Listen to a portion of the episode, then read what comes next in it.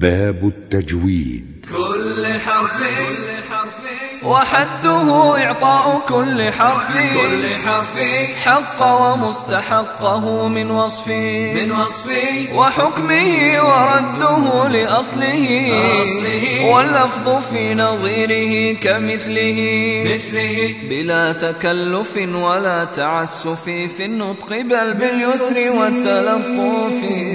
والتلطف وحكمه فرض كما تأصلا كفاية علما وعينا عملا وعينا عملا.